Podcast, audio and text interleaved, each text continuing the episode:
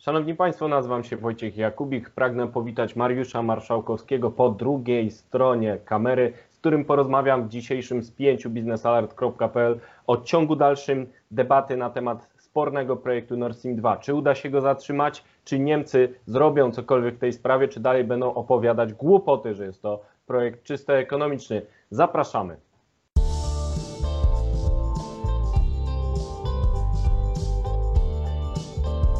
Zapraszamy na spięciebiznesalert.pl. Energetyka to dziedzina, w której nie brakuje spięć. Spięciebiznesalert.pl to program publicystyczny przygotowany przez naszą redakcję. To fuzja najważniejszych faktów i różnorodnych opinii na tematy istotne z punktu widzenia sektora energetycznego. Energia elektryczna i gaz, atom i OZE. Wszystkie te zagadnienia mieszamy niczym miks energetyczny dogłębnie i z komentarzem na koniec każdego tygodnia.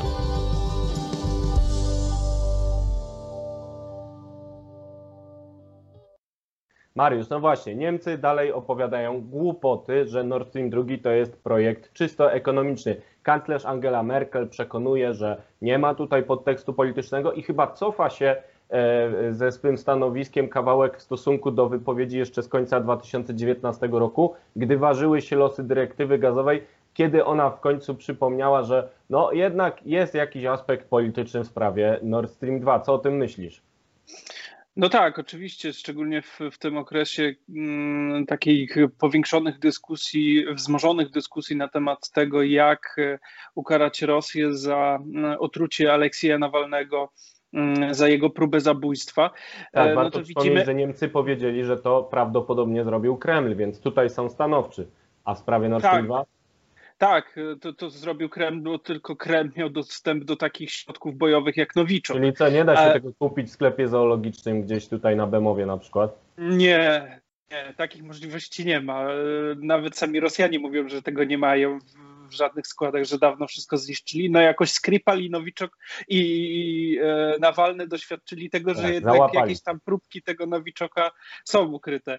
Mm, odnośnie e, Merkel i podejścia Niemiec do Nord Streamu, no to widzimy pewien konstans, czyli e, wcześniej mieliśmy głosy o tym, że Nord Stream drugi może być objęty jakimś moratorium, jakimś wstrzymaniem, natomiast teraz już znowu retoryka wraca do tej mm, z lat ubiegłych, czyli już business as usual i Nord Stream 2 jedzie dalej. No i mamy kolejną Niemkę, która mówi o Nord Streamie drugim. Tym razem chodzi o przewodniczącą Komisji Europejskiej Ursulę von der Leyen, która powiedziała, że komisja będzie stanowczo reagować na to, co Rosja robi, e, na to, co robiła w przeszłości na Ukrainie, w Gruzji, w Syrii, w sprawie właśnie Skripala czy w sprawie Nawalnego i nie przeszkodzi w tym żaden gazociąg. I to jest chyba raczej zapowiedź, że jeśli pojawią się jakieś nowe sankcje, a mowa jest o jakiejś ustawie Magnickiego, czyli serii sankcji personalnych, to te sankcje prawdopodobnie nie dotkną tego projektu, no bo Europa będzie reagować e, twardo, ale no, y, nie przeszkodzi w tym żaden gazociąg, nawet jeżeli będzie kontynuowany. Ja to tak rozumiem. Nie wiem jak ty, Mariusz. No tak, y, trzeba pamiętać, że Niemcy są największym państwem, y, jeżeli chodzi o kwestie gospodarcze Unii Europejskiej. Niemcy zrzucają odpowiedzialność na Unię Europejską jako tą organizację, która ma wymierzyć tą sprawiedliwość, nazwijmy to. Natomiast projekt Nord Stream 2 jest projektem niemiecko-rosyjskim w dużym skutku oczywiście. W końcu no i tego... na brzeg na terytorium niemieckim, po prostu, po ludzku.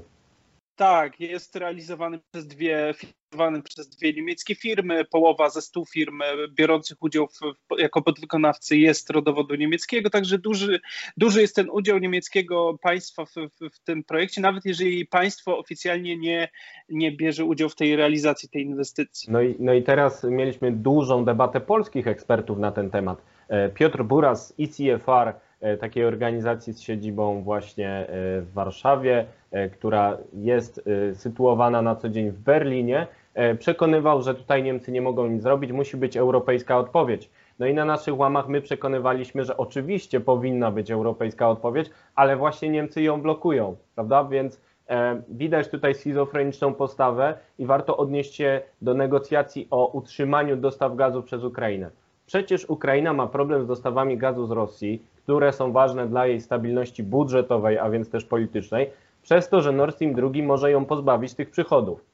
No i Niemcy dobrodusznie przekonują, że powinien zostać utrzymany tranzyt przez Ukrainę. Pomagają w negocjacjach Komisji Europejskiej, wchodząc w ogóle w buty Komisji Europejskiej, nawet organizując spotkania w budynkach własnego Ministerstwa Gospodarki. Byłem na takim spotkaniu właśnie, gdzie Niemcy próbowali się grzać tutaj w tym ciepełku komisji przy negocjacjach z Ukrainą, a z drugiej strony wspierają projekt Nord Stream 2, dają mu parasol ochronny i ten projekt podkopuje właśnie te działania na Ukrainie. Więc mamy tutaj postawę schizofreniczną, która teraz, teraz ta narracja niemiecka próbuje nas przekonać, że oni już nie mogą nic zrobić. Wszystko jest przesądzone, ale gdyby chcieli, dzisiaj powiedzieliby, że wycofują wsparcie polityczne dla Nord Streamu 2, a jutro firmy niemieckie prawdopodobnie mogłyby stracić na tym projekcie, bo on przestałby być rentowny, jeżeli nie miałby zielonego światła w Berlinie. Czy zgodzisz się ze mną, Mariusz?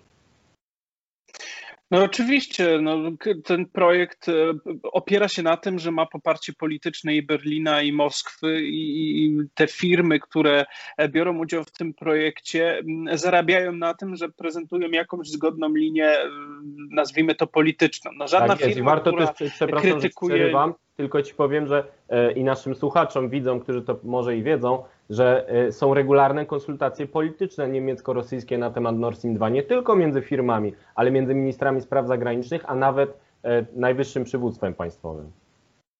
Oczywiście, no i ten, ten element dyskusji politycznej głęboko wchodzi w też kwestie gospodarcze. No żadna firma, która neguje powstanie Nord Streamu II, neguje tą politykę rosyjską i niemiecką, no nie dostanie żadnego kontraktu, który mógłby być, który mógłby polegać na jakimś podwykonawstwie w, w realizacji tego gazociągu. Także tutaj ten, ten, ta korelacja polityki i gospodarki jest bardzo duża i e, jest związana właśnie z relacjami niemiecko-rosyjskimi głównie.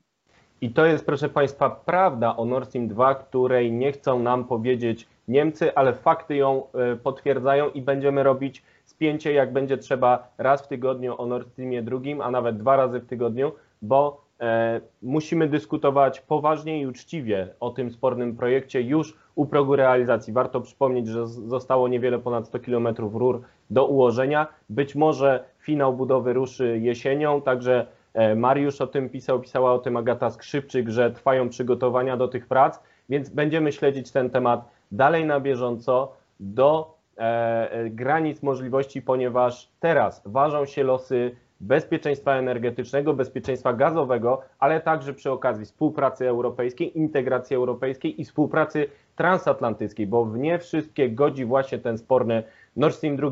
Dziękuję Ci bardzo, Mariusz. Szanowni Państwo, Dzięki. y, na dzisiaj w tym krótkim spięciu to wszystko. Zapraszamy już za tydzień. E, Pozdrawiamy w imieniu całej redakcji. Do usłyszenia.